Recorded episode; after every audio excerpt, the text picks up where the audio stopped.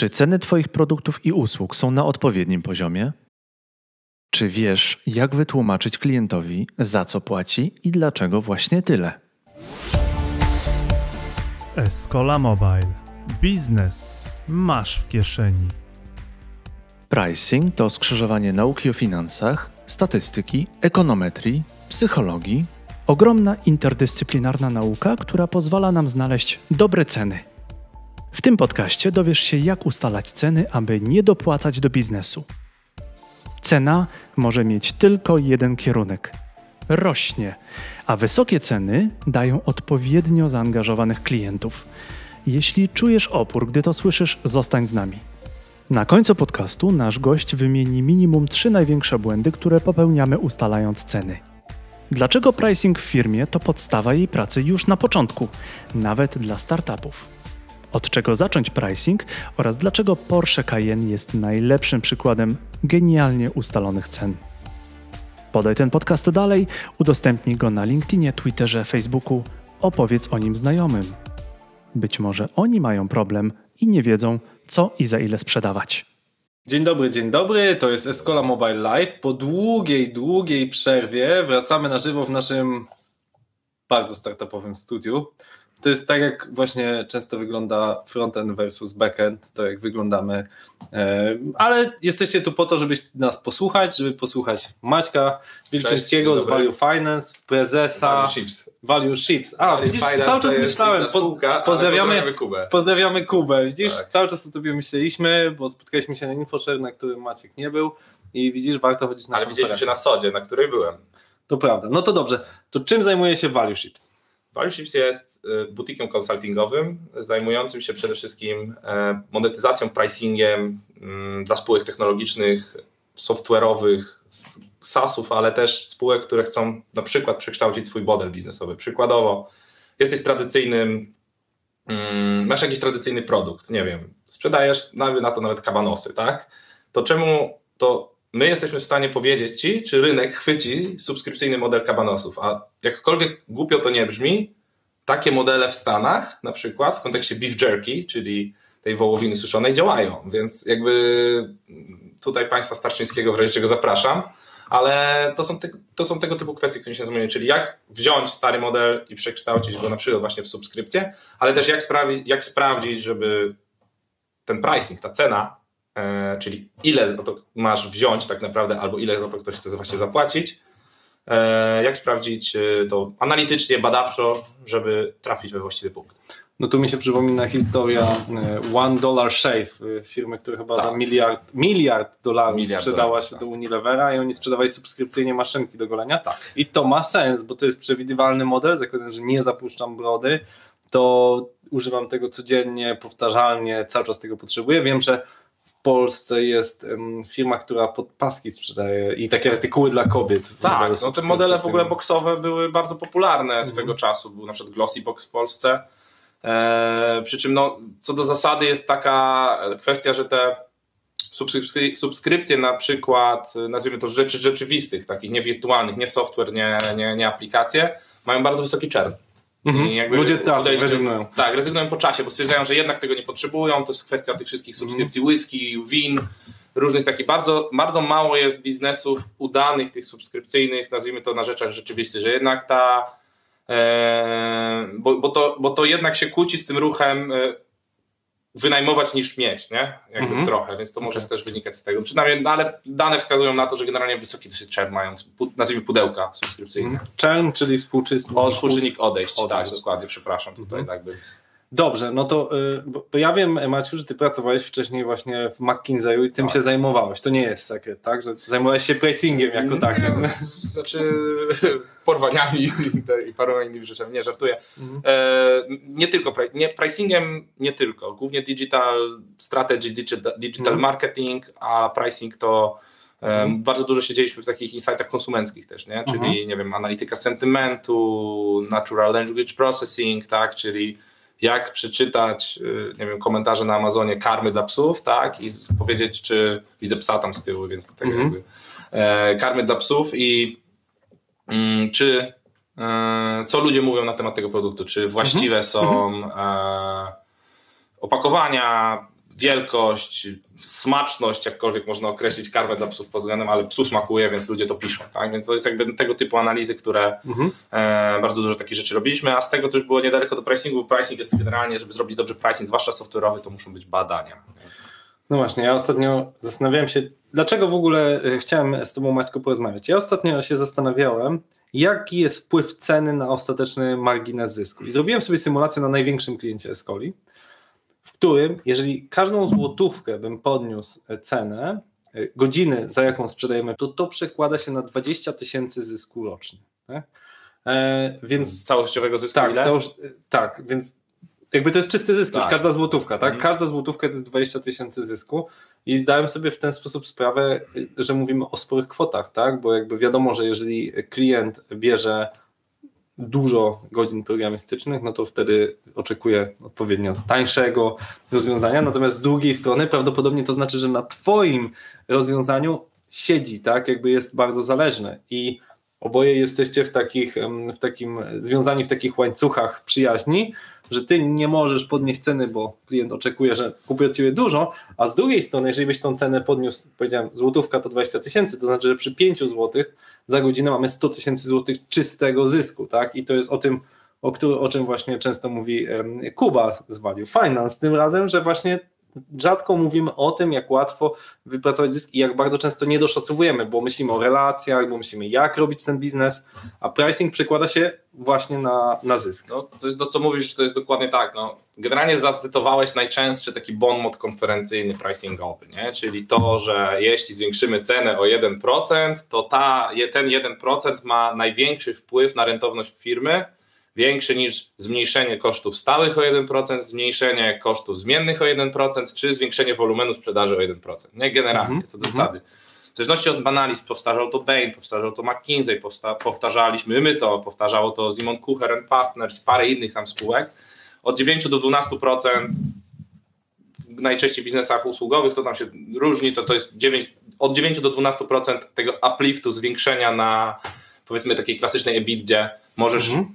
Możesz osiągnąć, jeśli podwyższysz cenę o 1%, tak? W porównaniu do na przykład yy, jakby wzrostu rentowności, tak? W porównaniu do, niż na przykład zmniejszenia kosztów czy zwiększenia wolumenu sprzedaży. Także odpowiadając też trochę inaczej, jeśli jesteśmy w kryzysie i odchodzą nam klienci, to utrzymywanie ich dawaniem wysokich rabatów nie jest właściwą Mhm. drogą, ponieważ no, nie odzyskasz tego w wolumenie. To jest jakby elastyczność Mhm. cenowa, w to zaraz możemy wejść, ale generalnie to jest jeden z takich klasycznych, powiedziałbym, elementów. Takich klasycznych błędów, tak? jest taki- Podchodzą klienci, da, może chcą taniej, tak? Dawajcie za cokolwiek, byleby zostać, a to się nie do końca nie godzi, bo czern, e, znowu odejścia klientów, przepraszam, Mhm. nie są wcale, nie, nieczęsto wy, wynikają z ceny. Mhm. Tak? Nie, nie, cena nie jest tym, jest jakby ważna, są wrażliwi cenowo klienci, ale to nie jest tylko ten powód, tak? No ja się z tym bardzo często stykam, że klienci mówią, nie no, no bo my teraz musimy podwyższyć ceny, bo ceny naszych dostawców, tak, programistów rosną, więc my musimy podnieść ceny. W tej chwili zmieniliśmy cennik na 50-55 euro za godzinę i y, często klienci mówią, nie, nie, to już jest za drogo, nie możemy e, tyle zapłacić. No ale zauważyłem, że płacą. To znaczy, owszem, na etapie jakiegoś ofertowania to faktycznie jest deal breaker, natomiast na etapie utrzymania klienta niekoniecznie. To jest po prostu bardzo trudny ruch, e, który trzeba wykonać. Dzisiaj dzwoniłem do klienta i mówiłem, płacicie za tanio, mamy nowy cennik, musicie się nad tym zastanowić, czy chcecie znaleźć tańszą, tańszego dostawcę, czy kontynuować na nowych zasadach. To są trudne rozmowy i wydaje mi się, że to jest magia tego e, pricingu, że nie, nie lubimy podwyższać cen swoim klientom, tak? I rozumiem, że ty Boimy uczysz, ty, tak, że odejdą, Tak. że e, no właśnie, czemu się, rozumiem, że ty uczysz jak to zrobić mądrze, tak? W największym skrócie, Albo tak? pomagamy, pomagamy klientom to przeprowadzić, albo uczymy, jak to zrobić mądrze, jeśli chodzi o, nazwijmy, e, obszar taki kompetencyjny, tak? To, to, to, te uczenia to, to, to jest dobre, dobre, co powiedziałeś, bo z jedno Mhm. to jest zrobienie projektu, czyli wiesz, przeanalizowanie, na których klientach możesz mieć, e, jeśli na przykład ich uszczelnisz, tak? Mhm. no to tutaj, ale też jest jedno, że dobra, no to wyszło nam z analizy, że powtarzalnego przychodu wytracasz 50 tysięcy, bo twoi klienci mają złe marże, nie? Jakby Mhm. za, za niskie marże, bo ma, mają za duże rabaty. No okej, no to tym możemy zostawić klienta, ale też jednym jest, to jest jakby diagnostyka, ale też jest implementacja, która jest już najtrudniejsza. Okej, Czyli przeprowadzanie z klientem jakby, wiesz, tego, jak to zrobić i żeby się odważył w ogóle, żeby to zrobić i pokazać mu e, nie wiem, my pokazujemy, bardzo dużo czasu poświęcamy na pokazywanie modeli, że jakby analizy scenariuszy, że w najgorszym przypadku, nawet jak ci 90% tych klientów odejdzie, to i tak opłaca się podwyższyć ceny o ileś tam, nie? Mhm. Bo, bo i tak ci się to zwróci.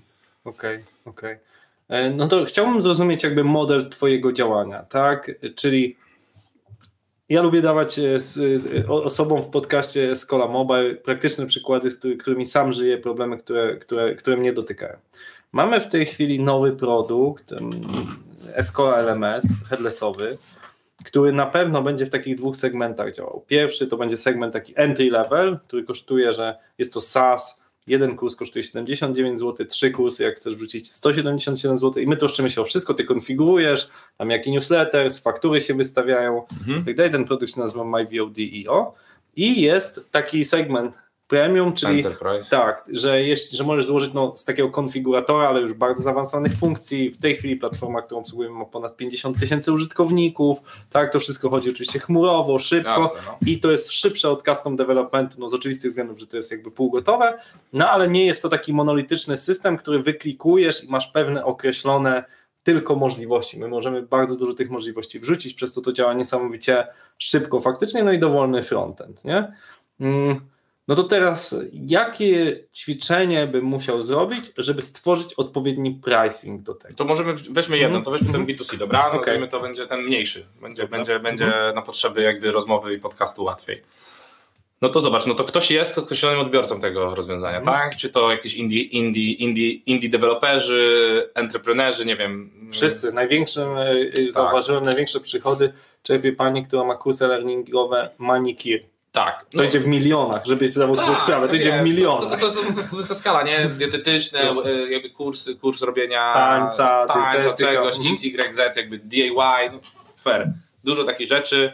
No ale na przykład Bogusz, który też był u Ciebie, to potencjalnie jest twoja, Tak. twoja persona. No i teraz, co jest najtrudniejsze w tym ćwiczeniu jest to, że dotrzeć do tych osób jest najtrudniej, tak? Żeby je spytać i tak dalej, i tak dalej. Natomiast no da się... No tak, bo jak zapytam klientów, to każdy powie za drogo. No. Zrobiliśmy teraz podwyższenie cen i oczywiście o, za drogo. Ale ten Kupują. czern, ten to odejścia nie było tak źle. No właśnie, właśnie to jest dobre, dobre, dobre, jakby stwierdzenie, o którym mówisz, bo zauważ, mm, zapytanie klientów, czy kupisz za tyle i tyle, nie, no za drogo. Ważne jest, jak pytasz. Mhm. Jest szereg analiz, szereg metod, nie wiem. To opowiedz, opowiedz Tak, o jest dwóch. na przykład. analiza wrażliwości cenowej Westendorfa, gdzie pytasz o to, czy za, po jakiej cenie kup, piczujesz produkt, po jakiej cenie kupiłbyś ten, uznałbyś, że ten produkt jest za tani, żeby go kupić, dobry, a być może byś go e, się, gdzieś tam nad nie zastanowił, drogi, ale wart zakupu i taki, że nie ma opcji, nie ma szans, że go kupisz, nie? No i w ten sposób zobacz, e, zadajesz cztery pytania, ale pytasz z tak różnych stron, że klient tak naprawdę e, też patrzy na ten problem z wielu stron. Nie? To jest jakby Mhm. jedna z tych analiz. Kolejną taką analizą to jest później, którą się dodaje, to jest analiza, którą też y, taki tak zwany price laddering, czyli pytasz, a kupiłbyś po cenie 50? Zdecydowanie, ta, zdecydowanie nie. A kupiłby i wtedy jak nie, no to po Mhm. 45? Nie. A po 40, no to jakby tak stworzy się taka drabinka. No i w drugą stronę, zdecydowanie tak. Mhm. Aż do momentu, w którym on powie zdecydowanie nie. To jakby to są różne ten. Można te dwie analizy w ogóle ze sobą łączyć, czyli No, ale to zapytać- się robi skomplikowane. Jak teraz miałem matematyczny umysł, jak teraz o tym myślę, no to powiedzmy 80% powie, że kupi za 100, nie ma problemu. E, potem 90% powie, że od 80 w górę No. już by kupiło. No i potem 98 powie, że od 50 Tak. już by kupiło.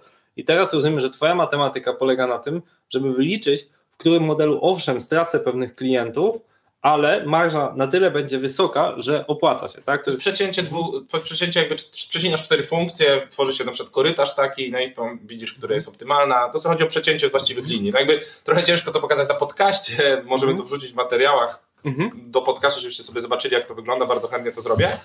E, natomiast no, co do zasady, to ci do, do, dokładnie pokazuje też, które są psychologiczne dla twojej grupy odbiorców, e, odcięcia nazwijmy. No właśnie, nie? bo to jest matematyka, tak? A teraz porozmawiamy nie o matematyce, tylko o tych miękkich rzeczach, bo ja zdaję sobie sprawę, że są nawet produkty, których jeżeli są za tanio, to ktoś ich nie kupi. Albo ta drogość powoduje, że mm, ludzie chętniej to kupują. No nie wiem, biżuteria, tak? W sensie, jeżeli byś kupił swojej narzeczonej pierścionek za, nie wiem, 500 złotych, mogłaby tego nie docenić, nawet jakbyś wyczaił okazję, jakby się dowiedziała, że wydałeś na niego 500 złotych, nie?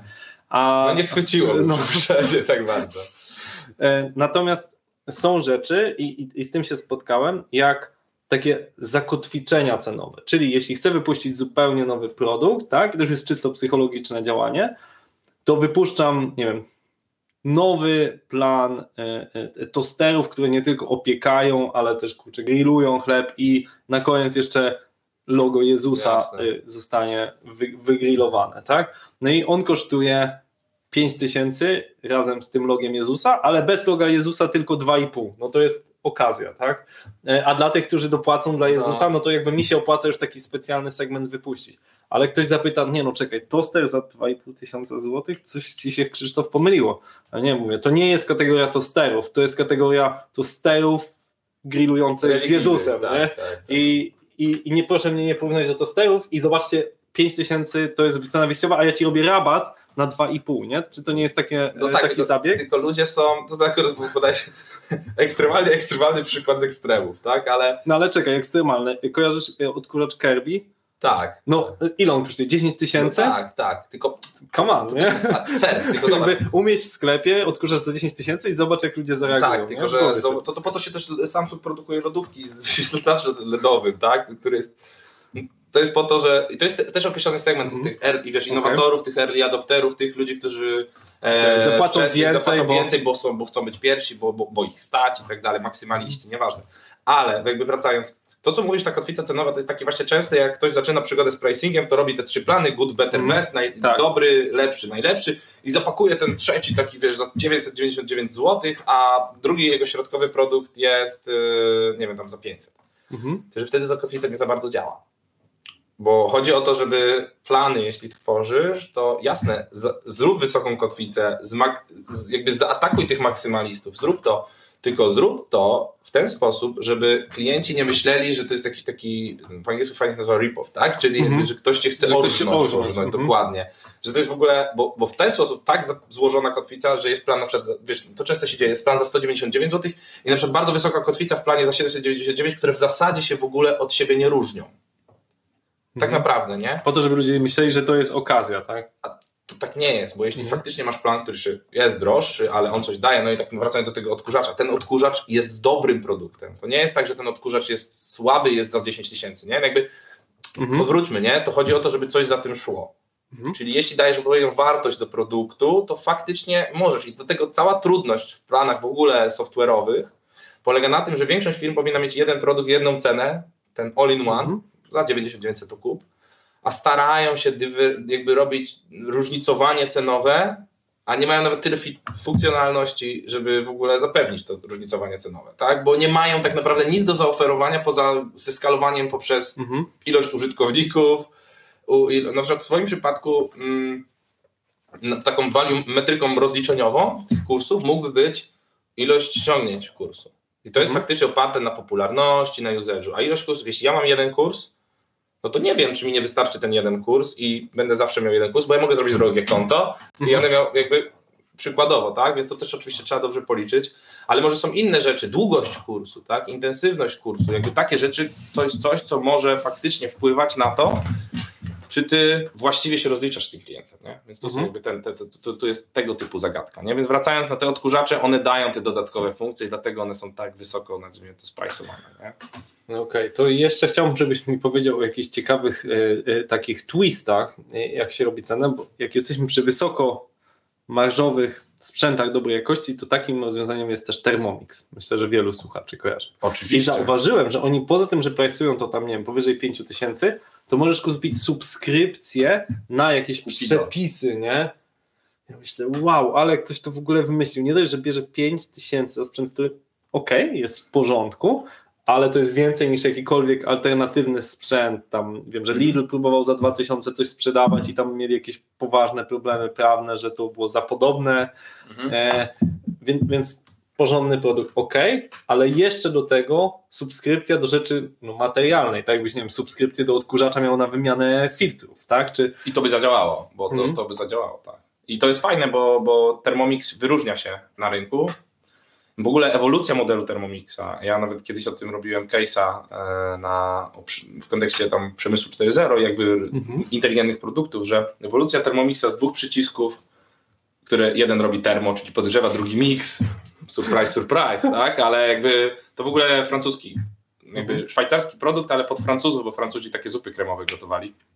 Lubią gotować i z tego się wzięło w ogóle. Okay. Ale ewolucja Thermomixa w stronę dawania też przepisów, dawania jakichś nowych funkcji, obrotów wstecznych, noża i tak dalej. I wreszcie w konsekwencji zrobienia takiego produktu, nazwijmy to 4.0, takiego trochę IoT, tak, internetu rzeczy, że ten produkt się z tobą komunikuje. Pomijając user experience tego ekranu i tak dalej, bo ja mam tego nowego Thermomixa i, e, i faktycznie nie jest to, e, jest jakby dużo, pozostawia do życzenia, natomiast faktycznie to jest przedłużenie w ogóle jakiej kreacji wartości, tak, w tym, Mhm. w tym produkcie, bo e, nie dość, że właśnie zabuliłeś te 5000, to jeszcze lifetime value, czyli ta Mhm. długość, y, war, długa, jakby dłu, cało, y, wartość klienta w całym cyklu życia klienta, tak? Y, Czyli tyle łącznie zapłaci za twój Dokładnie, produkt. de zwiększa się z 5 tysięcy na przykład do 7 tysięcy, bo jeszcze w zasadzie za development aplikacji, który już Mhm. inkrementalny koszt wyprodukowania kolejnej sztuki, ściągnięcia tejże aplikacji cię niewiele kosztuje. Tym bardziej, że dają wersję do Thermomixa, możesz dostać przedłużenie, więc to też jest argument Mhm. na zasadzie sprzedaży. No tamta strategia monetyzacji jest bardzo fajnie oparta, zresztą też na przykład na dodatkowych nożach, na, yy, na na przykład tym, czy do gotowania do vide też musisz mieć osłonkę na noże. Jakby czyli- Thermomix czyli- daje ci tą opcję. Czyli upsell tak zwany, tak? Tak. Mamy kolejną kategorię, którą ja, ja widzę też po swoich statystykach, bo zacząłem analizować w Escoli, na czym my najwięcej zarabiamy i pewnie nie zdziwiecie, że w części software house'owej najwięcej zarabiamy na upsellu, czyli w skali naszej działalności około 10 milionów przychodu, to co najmniej 5,5 miliona to jest czysty upsell, nie? Czyli, no bo oczywiście jest jeszcze O. taki upsell, że ktoś cię polecił, tak, referencyjny, no to trudno wtedy stwierdzić, tak? Natomiast czysty upsell typu, że klient A kupił u ciebie kolejne rzeczy, więcej, tak, rozbudował się w ramach struktury, nie wiem, była aplikacja bankowa, teraz jest aplikacja bankowa 2.0 albo dla innego banku z grupy i tak dalej, to jest ponad połowa, tak? No i to też obniża koszty pozyskania klienta, tak, jakby te kwestie, więc jakby I to bardzo zmienia, co też zaobserwowałem, podejście twoje do sprzedaży, bo być może ty zamiast zatrudniać tak zwanych handlowców, powinieneś zatrudniać bardzo dobrych project managerów, którzy mają kompetencje. O tym mówił Konrad Weiske na, na Sodzie, tak. że po co zatrudniać handlowców w software house, czy nie lepiej zatrudniać konsultantów, którzy potrafią wytłumaczyć dodatkową e, wartość. No to jest end-to-end, nie? Jakby to podejście, że jesteś całościowo obsługujesz klienta. No wydaje mi się, że on w ogóle porównał produkcję do software do borowania zębów, przypomnijmy, więc jakby to jest kluczowe, że jakby y, wyróżnik, że faktycznie y, ludzie nie chcą za to płacić, ale muszą, tak? Bo muszą, bo, bo, bo straci przewagę konkurencyjną i tak dalej. Natomiast jeśli sobie spojrzysz na to z tej perspektywy, no to, no to dokładnie tak jest, no. Software house'y mają tą stawkę standardową, za którą tam bilują i, i jeśli twój model to jest sprzedawanie czasu za godziny, Mój model też taki jest w wielu przypadkach, więc jakby żebyśmy też tutaj nie, nie, nie, nie jakby nie hejtuję, nie? Jakby znam go, To jest, jest jest, standardowy model usługowy, tak? Tak. Mhm. Natomiast jeśli dodajesz... On może oczywiście się nazywać fixed price, czyli z góry zakładasz, ile ci to zajmie. Może się nazywać time and material, czyli nie wiem, a klient akceptuje to nie wiem, chociaż zazwyczaj chce wiedzieć mniej więcej. To i tak sprowadza się do estymacji mniej więcej, ile Tak. to zajmie. Tak? Ale już na przykład takie rzeczy jak jakieś tam certyfikacje, wiesz, SLA na przykład, tak? Czy, czy, czy, czy upkeep, tak? Czy rzeczy, które jakby to trochę asymetrie, których rzeczy, które ty wiesz, że masz coś już predevelopowane, tak? Jakieś moduły, jakieś sety. No jeśli na przykład jest taka spółka, która dewelopuje w danej technologii, Mhm. no to część rzeczy też, tak długo oczywiście jak kontrakty na to pozwalają, to też IP musimy to wziąć pod uwagę. No ale my na przykład Value Ships podam swój przykład, tak? My wiemy, ile zajmie określony czas i wiemy, że na przykład dajemy narzędzia do tego przy okazji. No to skoro ja daję narzędzia, coś już zostało wydevelopowane wcześniej, no to value-based pricing właśnie polega na tym, że ja dostarczę tą wartość klientowi szybciej, Mhm. lepiej, no i to nie znaczy, że ja muszę za to skasować tam 30-40 godzin, jakby, do, jakby że tak, nie muszę tego zabilować. Tak? Dostarczam wartość 100 godzin w 30, mimo że ta godzina jest droga, bo ja to mam, jak mówisz, prefabrykat, coś w miarę gotowego. I firmy konsultingowe generalnie tak robią, nie? że to jest cały koncept tego solutions, tak? Mhm. który to się tak fajnie w Akizeju nazywało, ale też w wszystkich tych Accenture'ach, BCG-ach, mm, PWC-ach i tak dalej to tak samo działa, bo są solutions, czyli ktoś już wykonał wysiłek, żeby stworzyć jakiś rodzaj analizy, która normalnie konsultantowi, który ma jakieś określone wysokie stawki, Mhm. e, byłeś konsultantem, to wiesz, ma, mm, zajęłaby mu, nie wiem, 60 godzin, a i tak nie miałby tego efektu, jak ktoś, kto nakupował narzędzi typu SimilarWeb, typu jakieś takie, wiesz, narzędzi Mhm. BI-owych, czy Market Intelligence do analiz i z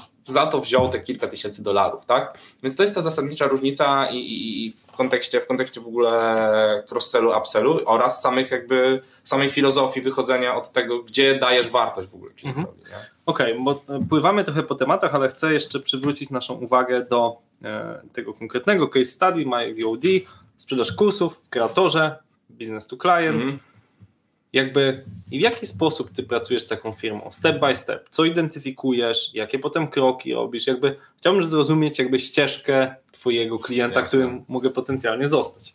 tak, to, to jest rozmowa sprzedażowa, tak? Rozumiesz, no, no proszę, pitch mi, pitchuj.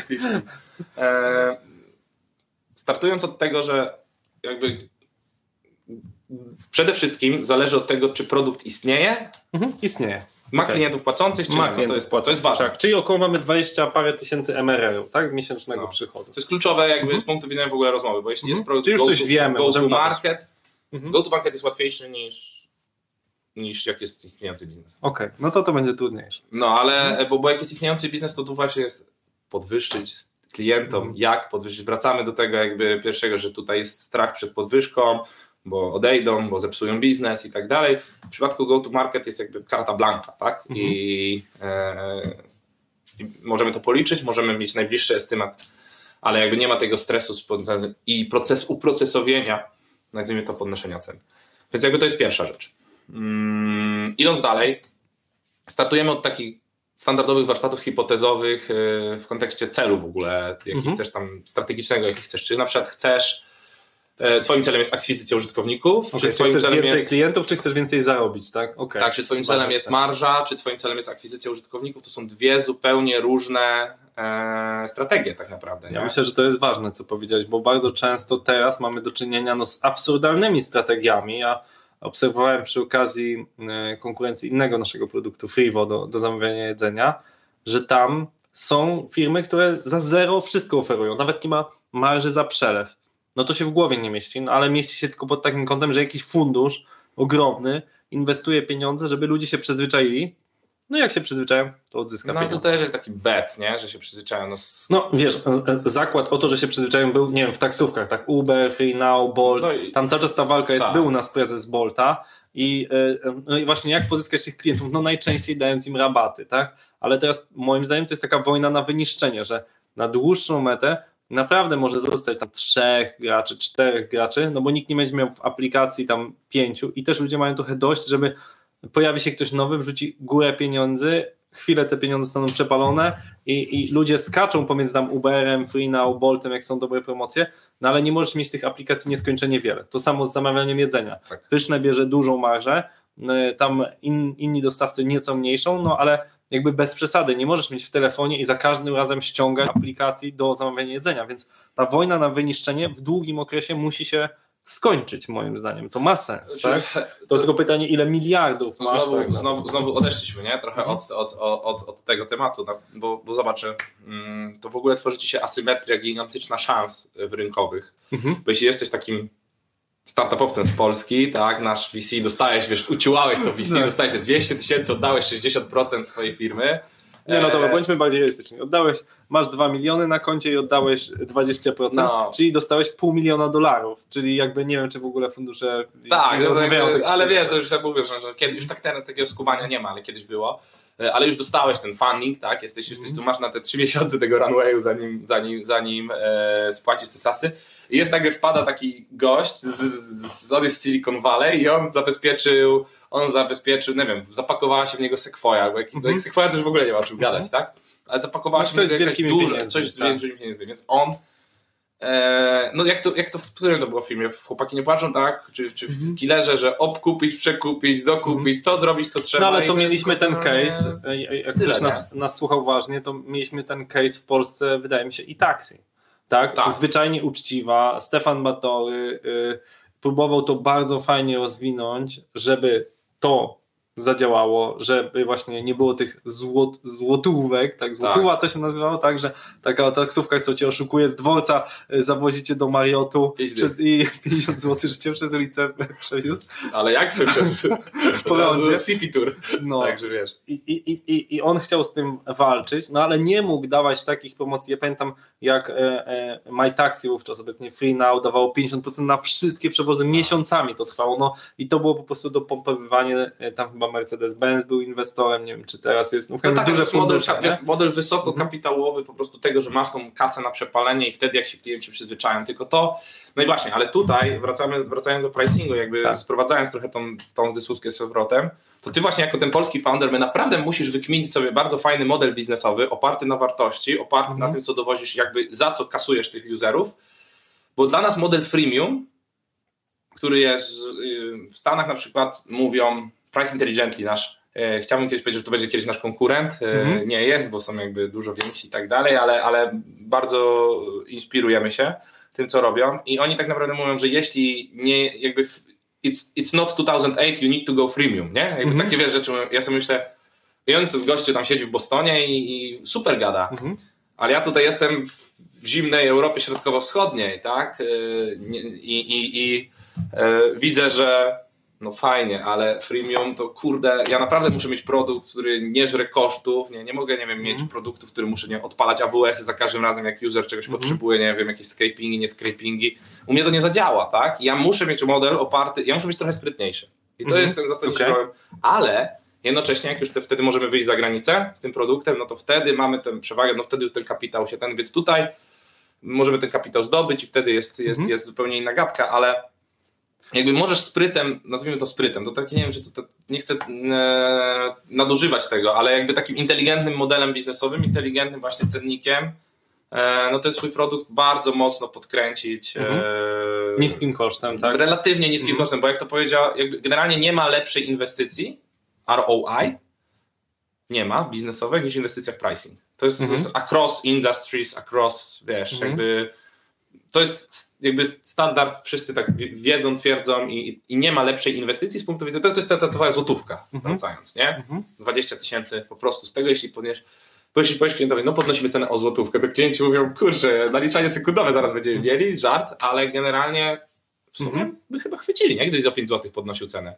Trochę jak z gotowaniem żaby. Mhm. No, ten, ja myślę, że fajną rzecz powiedziałeś i chcę do niej wrócić, czyli modele ta Europa Środkowo-Wschodnia versus amerykańskie, takie bardzo agresywne, nie? Bo o ile nawet Spotify powstał w Europie, to nie wierzę, że bez ogromnych pieniędzy, funduszy dałby radę utrzymać e, taki pricing, że jednak Spotify możesz korzystać za darmo. W sensie ja nie cierpię reklam, więc nie korzystam za darmo. Czy wchodzi konkurent Spotify, nie wiem, Apple Music, nie wiem kto z niego korzysta, ale zakładam, że są jakieś takie osoby. Podobno całkiem popularna jest ta No, aplikacja. ogóle Apple tak twierdzi, Apple tak twierdzi, że jest popularna.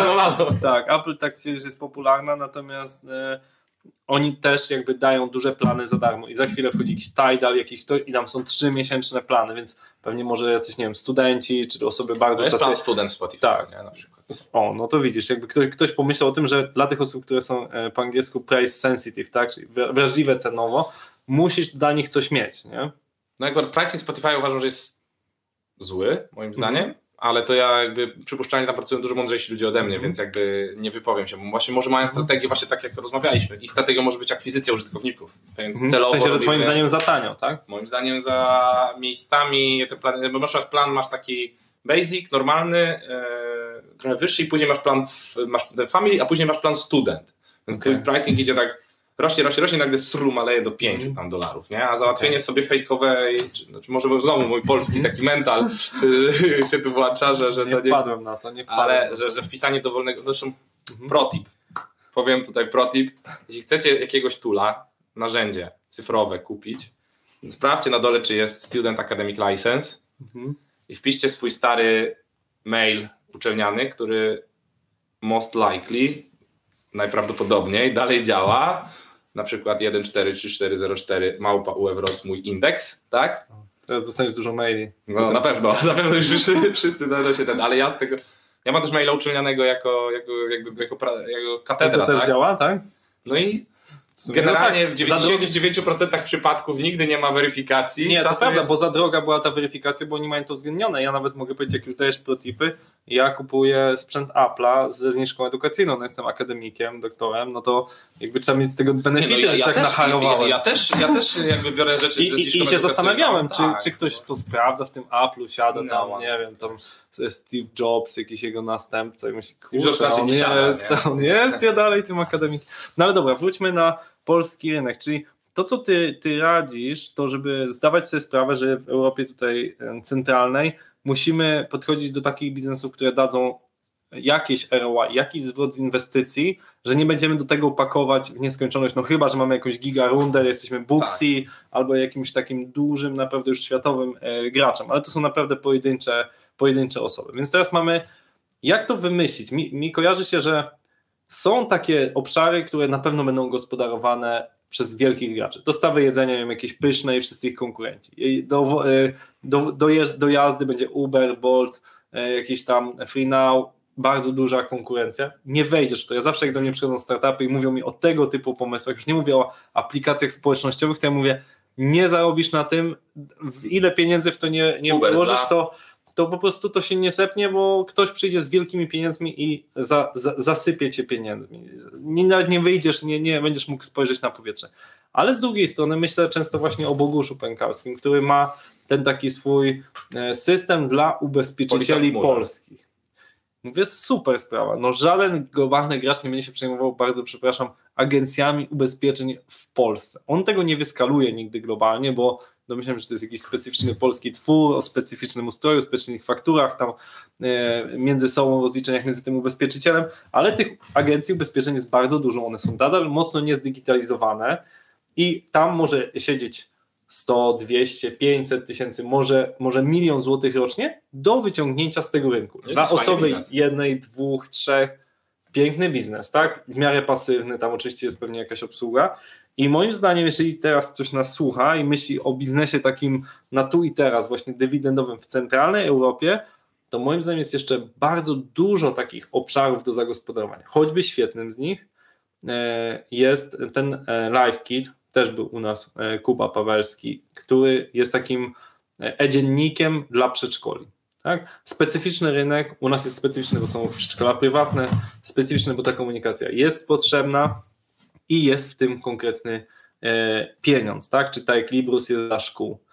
E, I tam jest to na tyle rynek jednak troszeczkę specyficzny ten polski, ale duży, że są w tym ogromne pieniądze, nie? No tak, to jest ta pułapka średniego rynku, jak to mówię, że możesz w Polsce, dlaczego czeskie startupy, słowackie, znowu to trochę idziemy w startupową dyskusję niż, Mhm. niż pricingową, ale jakby to są fajne rzeczy. E, natomiast e, no, no, no, my, Czesi, Słowacy, nie wiem, Estonia, świetny Estonia, przykład, okej. Pipedrive, tak? No oni muszą wychodzić poza rynek, a w Polsce możesz się pożywić, jednak jest to 38 milionów Polaków, rodaków i masz USOSa, który sobie się fajnie trzyma. Mało tego, słuchaj, jest SAS do wypełniania formularzy dla miejskich przedsiębiorstw y, wodno, tych kanalizacyjno-komunikacyjnych, bo tam jak generalnie on wypełnia ci, wpisujesz jakby specyfikację i on ci całą dokumentację drukuje. Mhm. To Ale- UX-owo to wygląda jak 90 lata, ale co z tego, jeśli takie utrzymanie kosztuje kilka tysięcy złotych rocznie i to jest biznes na Ale mi się wydaje, baniek, ma, ale, ale na to się dużo narzeka. Ja uważam, że to jest dobre, dlatego że ludzie, którzy wytrenują się na zrobieniu SASA w takiej skali, umieją zrobić SASA w wielkiej skali. I są polskie duże SASy, no Booksy już padło na antenie, ale są, nie wiem, był ten live chat, no to nie... No Doc Planner jakby- jest. Tak, Doc Planner, sasem, no. wcześniej e, tam e, live chat, czy, czy no debiut Allegro, tak, wprawdzie wcześniej sprzedanego. Jakby u nas są, powstały duże biznesy, oczywiście z definicji unicorn nie może być publiczny i tam przez to No. nie mówi się, że ciągle tego niby unicorna nie ma, no ale jest, do cholery jest kilka tych unicornów już z całą pewnością tak, tak, technologicznych. No ale dobra, wróćmy do ten. Ale konkluzja moja jest taka, że uważam, że jeżeli ktoś nas słucha, to może skupić się na tym, żeby wymyślić biznes, który daje konkretny dywidendowy mm, jakiś model, który zarabia, ale jest ograniczony rynek, na przykład tylko w Polsce albo w kilku krajach Europy i to uważam nie jest nic złego, bo każdy by chciał faktycznie stworzyć globalnego gracza, ale to nie jest takie proste i jeżeli umiesz stworzyć e, SaaS lokalnie na, na rynku mm, czy polskim, czy jakiegoś kawałka Europy, to możesz potem próbować zrobić coś globalnego, bo już wiesz, jak to działa, tak? No tak będzie, dokładnie tak jest i to też kwestia jest niszy, kwestia też ten, ale właśnie wtedy te biznesy muszą z zasady zarabiać. Wtedy muszą zarabiać, bo nie dostaniesz dopłaty, bo jak nie dostaniesz dopłaty z funduszu, bo faktycznie jak słuchałem wystąpień, to fundusze bardzo mocno kładą nacisk, żeby rynek był olbrzymi. Im większy rynek, tym bardziej Jeśli weźmiemy choć wycena. 1% Tak, tego dokładnie. rynku, tak. tak. No to, to jest case Airbnb, nie? I ich Mhm. pitch decku, nie? Oni pokazali, że ten rynek jest taki duży, że tam na slajdzie, jakby wiecie, to, to, że nie, nie mieścił się na slajdzie, nie? Mhm. Taki był wizualny ten, no i to okej, super, nie? No i Mhm. to chwyciło. No ale to jest zupełnie inny case i, i myślę, że, że, że nie powinniśmy tego, tego jakby, jasne, jasne, no budujemy, jeśli startup chwyci, jeśli SaaS chwyci i ten model biznesowy działa w Polsce i dobrze będzie rentowny, to tak samo może być rentowny za granicą, więc to jest jakby właśnie dru, druga rzecz.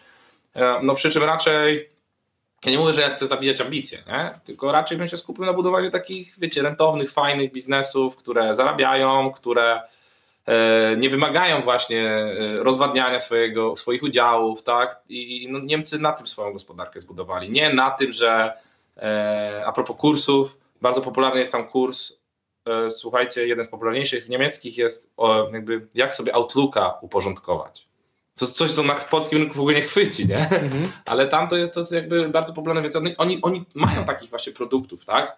E, małe software'y dla właśnie, e, małe oprogramowanie dla, dla właśnie dla miasta, dla, dla no, takie rzeczy. Jasne, no mają Zalando, mają duże też te swoje. Berlinie więcej się na fundusze wywaliły kasy w 2019-2020 roku niż w całej Polsce, w samym tylko Berlinie, nie? Więc jakby jasne, no to też jest potężny hub, ale generalnie bym się tym nie, nie jakoś nie kotwiczył specjalnie, nie? No dobrze, to wiemy mniej więcej, czym jest ten pricing, czym się zajmujesz, to jaki jest moment, kiedy ty przychodzisz? Znaczy, kiedy zacząć? Mówię, że są dwa typy. Te, które mają już pricing, tak, jakby już Mhm. określono i te, które wprowadzają. No to kiedy to wdrożyć, to będzie takie dobre pytanie, żebyś doopowiedział cały proces, tak? Kiedy wchodzisz i co się dzieje krok po kroku? To jest ten case Porsche Cayenne, nie? Znany, że kiedy Porsche miał mega duże problemy, to e, bardzo duże, takie finansowe, że już na granicy bankructwa, no to taki mieli jeden w zasadzie strzał, oczywiście taka też historia, ten, ale pe- pewnie tych strzałów byłoby dużo więcej, tak? Ale e, wyszli z założenia, że muszą zrobić jakiś taki bold move, tak? Jakiś odważny krok, no i, no i właśnie z badań, dlaczego z badań? E, wyszło, że zaczęli badać jakby potrzeby, czym jakby problemy, tak, w Porsche. No Porsche jest takie, Pewnie że wyszło, że ludzie lubią suwy. no, właśnie, właśnie słuchaj, nie? No i wyszło, że ludzie chcieliby mieć Porsche, tak, ten, ten, ale jakby Porsche kojarzyło się z tym, że wymieniasz samochód i żonę, nie? Jakby to jest takie od razu, wiecie, kryzys wieku, że to był Harley. Siedzenie, siedzenie w tym Tak, jest niewygodne. średniego i że ten, no i a byli goście, którzy niekoniecznie chcieli właśnie wymieniać samochody i żony, dosłownie, tak przysłowiowo, bo to była taka, taka historia. Yy, I że chcieli po prostu mieć samochód rodzinny, ale stać ich na Porsche i chcieli Porsche i lubią motoryzację, im się to podoba. No i oczywiście tak powstała Cayenne'ka, Mhm. tak? który jest najbardziej rentownym w ogóle samochodem w historii. Ever. Jakby to taka ciekawostka. Mhm. W ogóle nie tylko Porsche, tylko Nie, w ogóle w ever. ever. tak, tak. A koncernu Volkswagena to już w ogóle, nie? I jakby od, na nowo Porsche odbudowała jako Mhm. brand. No ale tak oni w ogóle podeszli do tego, no dobra, skoro już wiemy, że ten klient premium to chwyci, że suwy chcą, super, dobra, no to wiemy, wiedzieli, zauważyli, że niechęć jest mniejsza niż chęć, tak? No to zaczęli, wylicz, wyliczyli dosłownie każdą rzecz, którą, za ile ludzie tam willingness to pay, skłonność do zapłaty, właśnie ile ludzie chcą zapłacić za kierownicę, za tapicerkę, za to, za to, za to. I tak powstał jeden z najbardziej modularyzowanych samochodów w historii. Nie? Oczywiście to spakietyzowali, nie? Pakiet komfort, no komfort, no, wiesz, jakiś, no załóżmy premium, nie pamiętam nazw. Plus oczywiście pełen custom, jeśli masz taki kaprys. E, No i to pozwoliło właśnie, Porsche do dzisiaj jest najbardziej, jeden z najbardziej mo- modularyzowalnych Mhm. e, jakby nazwijmy to marek w, w ogóle na świecie.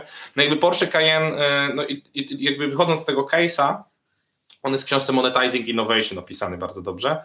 Wychodząc z tego case'a, e, tak naprawdę zanim my zaczniesz myśleć o produkcie, czyli zanim zapłacisz temu UX designerowi za te mock-upy, tak, zanim w ogóle zaczniesz sobie mock-upować, zanim Figma ruszy i te wszystkie rzeczy, które ten, to weź właśnie może zrób takiego, zrób surveya, zrób fokus grupy, zrób IDI, wywiady i jakby spróbuj złapać tą skłonność do zapłaty i Mhm. wartość w ogóle tego produktu. Ile za to zapłacisz? Jakby problem jasny, ten problem solution fit, to, to, to, to jest Mhm. tak, to, to, to, to i tak zrobiłeś, tylko że, że, że często jest tak, że ludzie potrzebują tej aplikacji, ale nikt nie wpadł na pomysł, że to jeszcze jest drugi wymiar, jest jakby X, ludzie potrzebują, nie potrzebują, ale jest Y, skłonność do zapłaty. I my, pracując to- z spółkami, to- to- dokładnie taką macierz rysujemy. X, Y. Mhm. Po jednej Okej. stronie masz relative importance, czyli to, czy coś jest ważne dla danego klienta, a po Y masz willingness to pay, skłonność do zapłaty, nie? Okej. I na podstawie tego my jesteśmy w stanie zrobić cztery feature'y i, i, i jakby, jakby cztery takie kwadranty, tak? Mhm. I to jakby tłumaczy klientowi wszystko, jeśli chodzi o, o, o, produkt, nie? No to, to myślę, co mówisz, to jest e, szalenie ważne i pokazuje, dlaczego ceny telefonów tak bardzo rosną w ostatnich latach. Dlatego, że moim zdaniem w tej chwili telefon jest dla ludzi prawie tak ważny, jak nieważniejszym narzędziem do pracy niż samochód, który kosztuje no To myślę, 100 aspekt tysięcy w górę. No właśnie, nie? ale właśnie to chcę powiedzieć, że tak jak, jak pytasz młodych ludzi, co byś wolał mieć samochód czy auto, bez czego byś się nie mógł obyć, to wszyscy mówią, bez telefonu się nie obędę, nie? I, i z drugiej, i jakby dzięki temu te telefony mogą być dużo droższe, oferować jakieś tam rzeczy zupełnie niepotrzebne, bo ludzie z tego korzystają na tyle dużo, na tyle się przywiązują, że są w stanie zapłacić te absurdalne z perspektywy tego małego elektronicznego pudełka produkcji. ceny, nie? No, więc tutaj absolutnie się zgadzam. Musisz zbadać, czy ludziom coś jest potrzebne. I z drugiej strony też miałem dzisiaj bardzo ciekawą rozmowę nad taką aplikacją, którą przygotowujemy i ona dostarcza jedynie taką niewielką wartość, powiedzmy w komunikacji między dziecko rodzic, taką bezpieczną. I wyszło nam z tych badań, że wszyscy rodzice tego chcą. Zapytanie, czy chcesz bezpiecznie rozmawiać ze swoim dzieckiem? Ale na pytanie, ile byś za to zapłacił, tu pojawia się duży problem, bo ludzie znajdują darmowe rozwiązania, które wprawdzie nie rozwiązują tego, czyli tam WhatsAppem rozmawiają, Mhm. Messengerem, czy po prostu dzwoniąc. I pytasz im, czy chciałbyś mieć takie rozwiązanie, gdzie nikt nie podsłuchuje Twoich odpowiedzi, gdzie dziecko nie może przypadkiem wyłączyć i tak dalej. Wszyscy mówią, tak, tak, bardzo bym chciał, a to jest ile byś za nie zapłacił?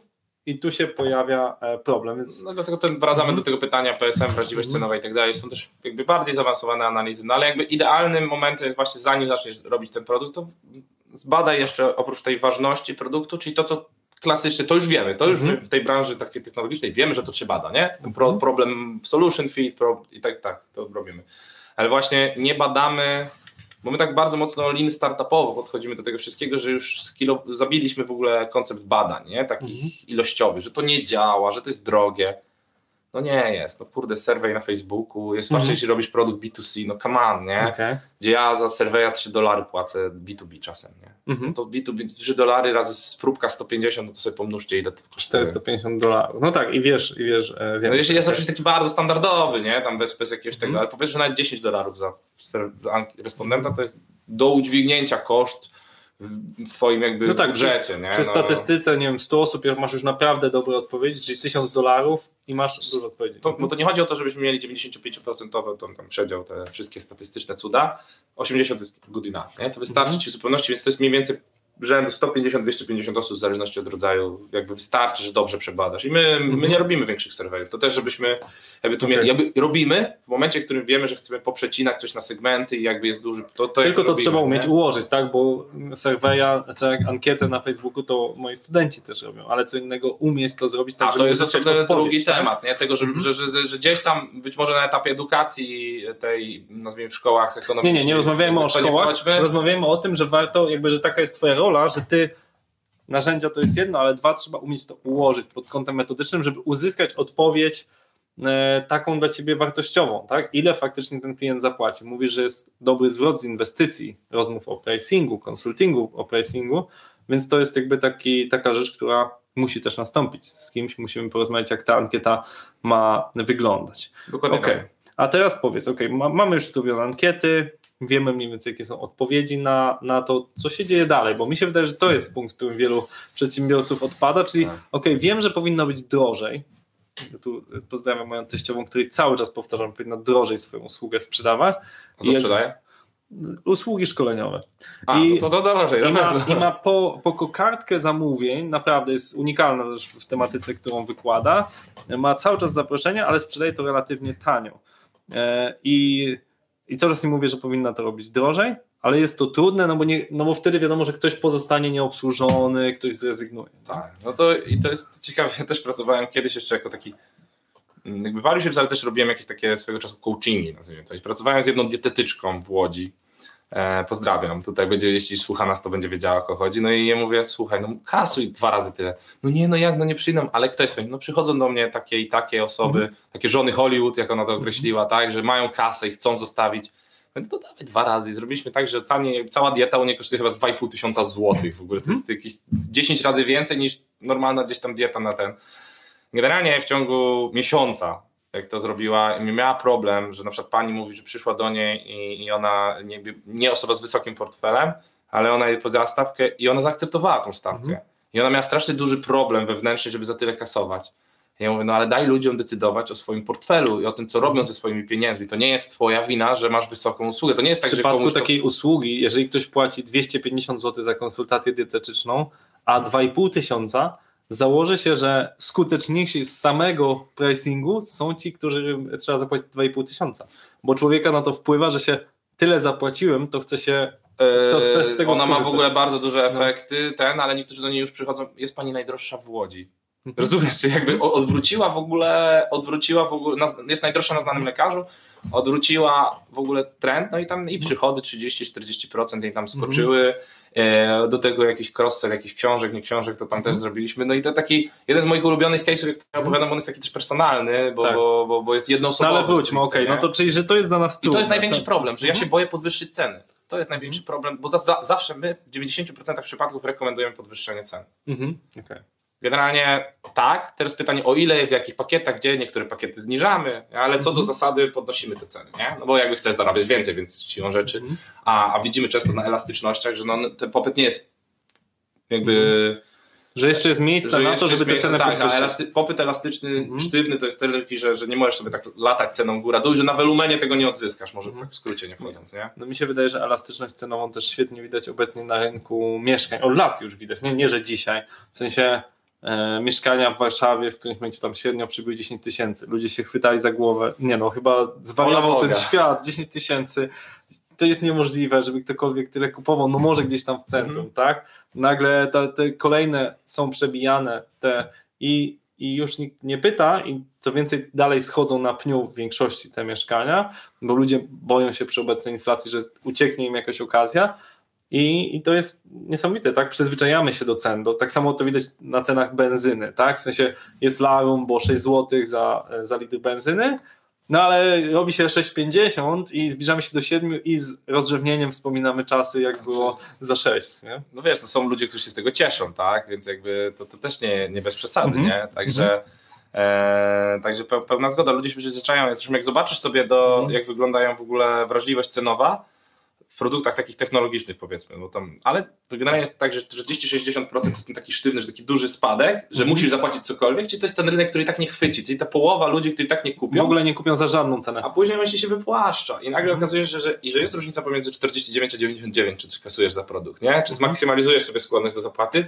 a ty jesteś taki znowu biednym founderem i o tym mówił Maciek Kraus też u Bogusza w podcaście i ty też się tak boisz, to to zrobię za te 29, nie? Ten, Mhm. ten, a, a, czyli zostawiasz 70 zł na stole po prostu Mhm. i ludzie są ok z tym, właśnie wracają, ludzie są ok z tym, żeby, więc jakby jest ok to, ta rzecz, żebyś prosił klient, znaczy prosił złe, albo żebyś żądał od klientów godziwej, nazwijmy Mhm. to, Tak, tak. wartość godziwa, nie? Ten goodwill Mhm. to jest też takie fajne wartości, którą dajesz w swoim produkcie i w który też wierzysz, bo Mhm. mało tego, wysokie ceny wpływają na, to akurat profesor Jozu, z którym napisaliśmy wspólnie książkę ze Stanów, jeden taki też top head, y, jeśli chodzi o, e, o pricing, z, jakby zrobili badanie, że to też wpływa uwaga na taki aspekt jak organizational confidence. Mhm. Czyli spółki, które kasują więcej, są bardziej pewne siebie, a organizational confidence wpływa na tam wyniki rynkowe, i jakby, że jest, jest to takie odważne organizacje, tak? No bo to trochę tak jest. No i to Warren Buffett wraca, że jeśli się nie boisz podwyższać cen, to masz dobry biznes, here you go, nie? Jakby widzisz, jakby tu zależność jest taka, że jeśli ty się nie boisz powiedzieć, nie, nie boisz się, że ten klient ci, wiesz, Ucieknie. Mhm. bo po prostu wiesz, jaka jest ten, no zresztą Bartek Majski fajnie powiedział, cena może iść tylko w jedną stronę, w górę, tak? Mhm. E, No tak, ale jeszcze nie powiedzieliśmy tutaj, e, ale też odejście do książki, jest taka książka Price Zero, nie? O, o cenie, cena zero, naj, historia najbardziej radykalnej scen. I tam faktycznie, bo powiedzieć, że ten przeskok zero, nawet złotówkę zero, tam 9 złotych jest mniej drastyczny i pokazane jest to na wykresach, niż nawet z 9 na 99. To znaczy, jeżeli w ogóle jesteś w stanie kogoś skłonić, żeby podpiął kartę, wyciągnął portfel, to jakby jest e, dużo mniej e, trudne, szczególnie w świecie internetu, gdzie te rzeczy są nieporównywalne. Tak? Znaczy jakby ja nie umiem powiedzieć, ile powinno korzystać najpopularniejsze wśród mojej branży narzędzie Jira. Ono jest bardzo drogie, jest do 10 osób darmowe całkowicie, a potem się robi bardzo drogie, jak na to, jaką dostarcza wartość i jak na to, jak wolno chodzi. Mam nadzieję, że mnie słuchacie tam w Atlasjanie.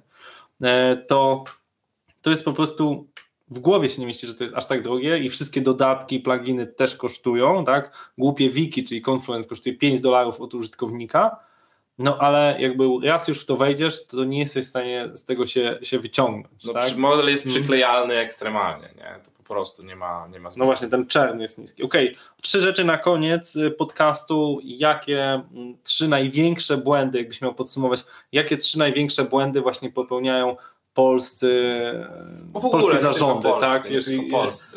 No, powiedzmy, że Mhm. to jest generalnie to, że na decyzje cenowe poświęcamy mniej czasu niż na zakup papieru toaletowego.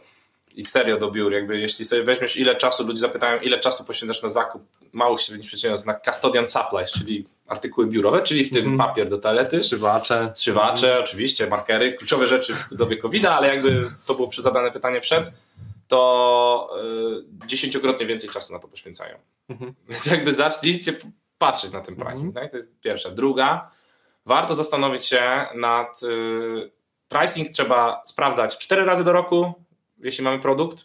E, No, są takie produkty, które mamy dynamiczny pricing, się sprawdzają codziennie, nie? porównywarki, e-commerce, to jest w ogóle nie wchodziliśmy w e-commerce pricing, więc to jest w ogóle osobny temat. Jak chcesz, to zaproś e, Krzyśka ode mnie, on ci o e-commerce pricingu powie, więc jakby tutaj nie, nie wchodźmy, ale w takim powiedzmy software'owym to cztery razy do roku i dwa razy do roku podwyższać. Mhm. A teraz fun fact, większość naszych klientów od nas ostatni raz na przykład pricing podwyższała 3-4 razy. No więc jaką mamy inflację? 5-8 w tym Mhm. momencie. W usługach około 10%, biorąc pod uwagę ceny, koszty deweloperów i tak dalej, w takim powiedzmy software'ze. W skrajnych przypadkach, w takich bardzo sp- specjalizowanych, tak 15%. No ale powiedzmy, że dycha. Czyli powiedzmy, że od, od ostatnio masz 5 do 10% inflacji w Polsce, samej tylko w Polsce, kosztów. Mhm. A ty masz pricing na 3-4 lata. Jakby zamrożony. Więc jakby netto wytracasz wartość, po- wytracasz pieniądze za samo nie, nie, nie, nie wyrównań inflacyjnych. Nie? A przyzwyczajanie klienta, że podwyżki inflacyjne się zdarzają, na przykład Salesforce, ma w swoich kontraktach, że on ci za krok, jak ci będzie, to on ci automatycznie podwyższy. I to jest w regulaminie, nie? I ludzie jakby, i spoko, tak? Więc oni jakby w swoich kontraktach y, zakładają, że będzie podwyżka, więc niewyrównywanie nawet takie inflacyjne to przede wszystkim on, więc zastanówcie się już teraz, gdzie możecie, jak możecie podwyższyć ceny. No i trzecie, no to pricing function, czyli Mhm. czy kto w organizacji jest odpowiedzialny, Odpowiedzialny za cennik. Mhm. No, idealnie nie twierdzę, że zatrudnicie od razu pricing managera, nie? Ale jak się zastanowicie dzisiaj, gdzie w mojej organizacji jest cennik, to, to Mhm. zobacz, nie? Krzysiek, gdzie u ciebie jest? Trochę PM może zdecydować, trochę ty, trochę ktoś, nie? Mhm. Jakby nagle okazuje się, no, no nie, nie No ma, rozpływa się ta odpowiedzialność za pricing, tak? Za, za politykę rabatową. Ile, czy mamy tak zwany deal desk, Mhm. czyli y, na, Kiedy dajemy jaki rabat? Jeden Mhm. klient mówi kagańce, to jest w ogóle super, mi się Mhm. podoba. Czyli jakie, przy jakich rabatach i kto jakie rabaty może dać, nie? Że CEO może dać rabat 100%, bo to jest ważny klient, ale przeciętny taki, wiesz, helpdesk może dać 5%, Mhm. nie? I jakby, czy daje w ogóle, ja miałem klienta, że na przykład mieli klientów, którzy, na których mieli marżę minus 1700%. Nie? Bo dawali takie rabaty Mhm. tam w, w, w COVID-zie, bo ktoś poprosił Mhm. coś i tak został, nie? Mały, wiesz, ten, Mhm. ale jakieś koszty sobie gdzieś pozbierasz, rok miesięczny, jakieś upkeepu, coś Mhm. tam, coś tam, nawet uśredniając narzędzie, jakieś CRM-a, coś tam, no i nagle się okazuje, że masz ty minus 1700% marży na kliencie. Oczywiście tych klientów było paru, Mhm. no ale jakby to pokazuje... A to wiesz, jest też bardzo niebezpieczne nie robić tego per klient. Ja zacząłem robić to ćwiczenie, taką rachunkowość zarządczą od, porządną od e, tego roku i no, pokazało mi to parę dramatycznych rzeczy. Parę kontraktów, na których po prostu straciliśmy pieniądze. I to tak w sposób absurdalny. Bo globalnie I oczywiście, widzisz, tak, globalnie tam milion zysku, myślisz, ale świetnie idzie, nie? Tylko patrzysz, że w sumie gdybym zwolnił pięć osób, albo nie zatrudnił, bo my akurat głównie zatrudniamy, tak? Nie zatrudnił pięć osób, a nie obsłużył tego klienta w ogóle, po prostu nie podjął tej rękawicy, to bym zarobił o 100 tysięcy więcej bez kolei, więc jakby po co było w ogóle to robić, tak? No, to, tak. No oczywiście można mówić, że pewne rzeczy to jest to lifetime value, że mogę potem sprzedać, ale no, patrząc na to już z perspektywy roku, zauważyłem, że nie dosprzedałem i nie widzę żadnych perspektyw do sprzedaży. No, więc to jest. contribution margin, nie? czyli ile z projektu masz realnie i, i ta, niektórzy na to mówią, że to unit economics. Jaka jest twoja Mhm. jednostka? Jeśli twoją jednostką jest produkt albo godzina, to na ile na godzinę deweloperskiej zarabiasz realnie, nie? Mhm. Sprzedanej. Mhm. Biorąc pod uwagę koszty i inne rzeczy, nie? Więc to jest szereg rzeczy, które trzeba, to jest tak zwany, no to się mówi price waterfall, czyli taki wodospad. Od kosztów Mhm. schodzisz, nie? Jakby cenę kosztów widzi- widzisz miejsca, w których ci się ta marża wy, wy, wytraca, nie? Gdzieś tam.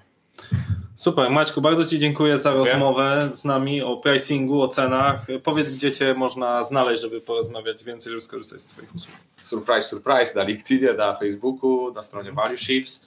E, mówię, Value Ships strona jest jeszcze, do, zmie, obecnie się zmienia. Tam, my zaczynaliśmy od SaaSów, ale nie robimy już tylko SaaSów, nie? Jakby robimy, robimy software, robimy trochę inne też e, spółki, więc generalnie piszcie do mnie po prostu na Facebooku, e, na LinkedInie. No i na maila maciej małpa.valueships.com.